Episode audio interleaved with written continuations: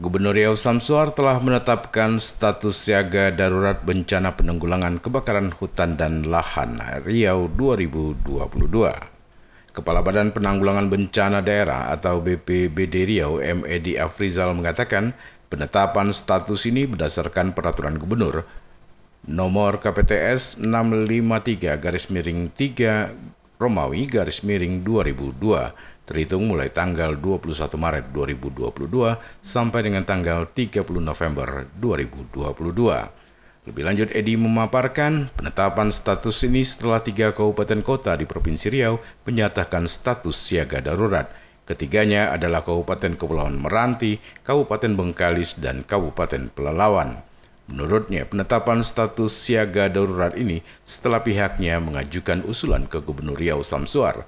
Hal ini berdasarkan hasil rapat koordinasi tanggal 14 Maret 2022 lalu dengan stakeholder terkait seperti BMKG, Polda Riau, Korem 031 Wirabima, Lanut Rusmi Nuryadin, Dinas DLHK, Dinas Perkebunan, LP3S Riau, dan lainnya. Nah, pada tanggal 14 Senin 14 Maret tahun 2022, 2022 kemarin kita sudah melakukan rapat koordinasi yang terdiri dari instansi terkait baik itu BNKG, kemudian dari Korem, kemudian dari Polda, dari uh, Lanut, terus Menjadiin, kemudian uh, terkait ada perkebunan, dinas LHK, dinas kesehatan, P3E, P3ES Riau itu uh, apa uh, balainya Kementerian LHK dan Magalani juga termasuk instansi-instansi terkait. Nah pada pada uh, hasil rapatnya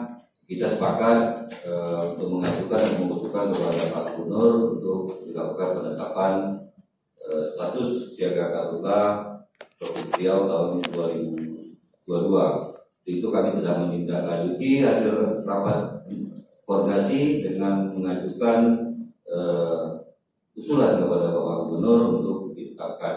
Alhamdulillah tanggal 21 Maret 2022 kemarin Bapak Gubernur sudah uh, menandatangani SK keputusan Gubernur nomor KPTS 653 garis miring 3 Romawi garis miring 2022 tentang penetapan status siaga darurat bencana penanggulangan kebakaran hutan dan lahan di Provinsi Riau tahun 2022 Eh, terhitung mulai sejak ditetapkan yaitu tanggal 21 Maret 2022 sampai dengan tanggal 30 November 2022. Pada kesempatan itu, Edi juga menjelaskan luas lahan yang terbakar mulai Januari hingga Maret 2022 ini mencapai 168,66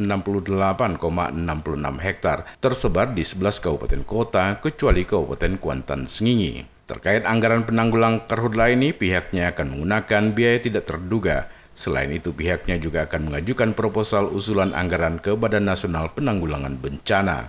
Terakhir, Edi mengimbau kepada masyarakat untuk tetap berhati-hati dalam membuka lahan untuk menghindari terjadinya pembakaran. Menurutnya, peran masyarakat sangat penting dalam mengantisipasi karhutla. Prima Ermat, Tim Liputan Barabas, melaporkan.